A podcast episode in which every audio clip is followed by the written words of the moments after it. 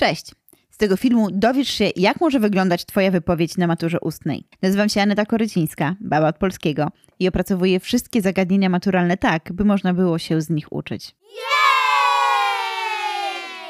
Odpowiedź na pytanie o mity jako metaforę ludzkiego losu i działania, w którym trzeba się odnieść do mitologii Jana Parandowskiego, może wyglądać tak. Najpierw wstęp. Mitologia grecka wywarła olbrzymi wpływ na cywilizację europejską. Opowieści przekazywane ustnie z pokolenia na pokolenie miały charakter dydaktyczny, objaśniały zawiłości świata i przedstawiały prawidłowe postawy człowieka wobec rozmaitych sytuacji. Działania te były realizowane pod postacią metafor. To właśnie dzięki nim mitologia obrazowo opowiadała o świecie i odpowiadała na egzystencjalne problemy stojące przed ludźmi. Przejdźmy teraz do rozwinięcia, w którym odwołamy się do lektury obowiązkowej. Jedną z najpopularniejszych metafor mitologicznych są losy Ikara, syna Dedala. Mistrz wielu sztuk, budowniczy labiryntu, w którym uwięziono Minotaura, skonstruował dla siebie i syna skrzydła z ptasich piór i wosku, aby mogli oni opuścić wyspę. Podróż skończyła się jednak tragicznie. Ikar, niesiony zachwytem, zapomniał o przestrogach ojca i uniósł się zbyt wysoko, skutek czego słoneczny żar roztopił wosk i zniszczył skrzydła. Syn Dedala stał się archetypem buntownika, który wbrew wszelkiej logice dąży do spełniania swoich marzeń. Natomiast sam lot Ikara stał się metaforą lekkomyślności połączonej z marzycielstwem. W mitologii greckiej można było również znaleźć odpowiedź na pytanie o sens ludzkiego działania. Jan Parandowski w opisie Moir zaznaczył, że były to trzy kobiety, które przędły nić życia każdego człowieka. Według wierzeń starożytnych ich wyroki miały siłę większą nawet od postanowień bogów olimpijskich. Ludzkie życie było zdeterminowane przez Moiry i plecione przez nie nici.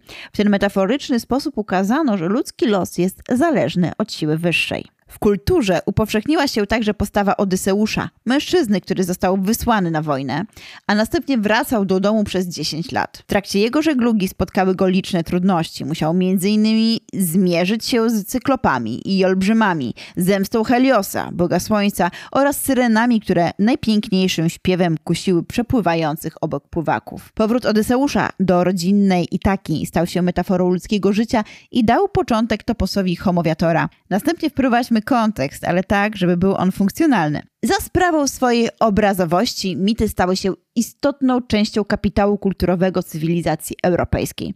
Twórcy próbowali odczytać mity przez pryzmat własnych doświadczeń, a następnie nadawać mitom dodatkowe metaforyczne znaczenie. Warto w tym kontekście przywołać wiersz Prawa i obowiązki Tadeusza Różewicza, odnoszący się do obrazu Petera Brechla, Pejzaż z upadkiem Ikara. Niderlandzki malarz swojej kompozycji przedstawił ludzi zajętych codzienną pracą, rolnika orzącego pole, pasterza pasącego owce czy łowiącego rybaka. W tle natomiast znajdował się niemalże niewidoczny, upadający Ikar. Jego los nie przejmował nikogo, był niedostrzeżony przez ludzi zajętych swoją pracą. Różewicz dokonał analizy obrazu przez pryzmat własnych wojennych doświadczeń. Wskazał, że w młodości postawa postaci przedstawionych na obrazie go oburzała.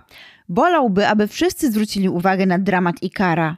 Po wojnie zauważył jednak, że na metaforę obrazu można spojrzeć zupełnie inaczej. Człowiek nie jest w stanie zbawić całego świata, a obojętność nie jest zachowaniem niegodnym.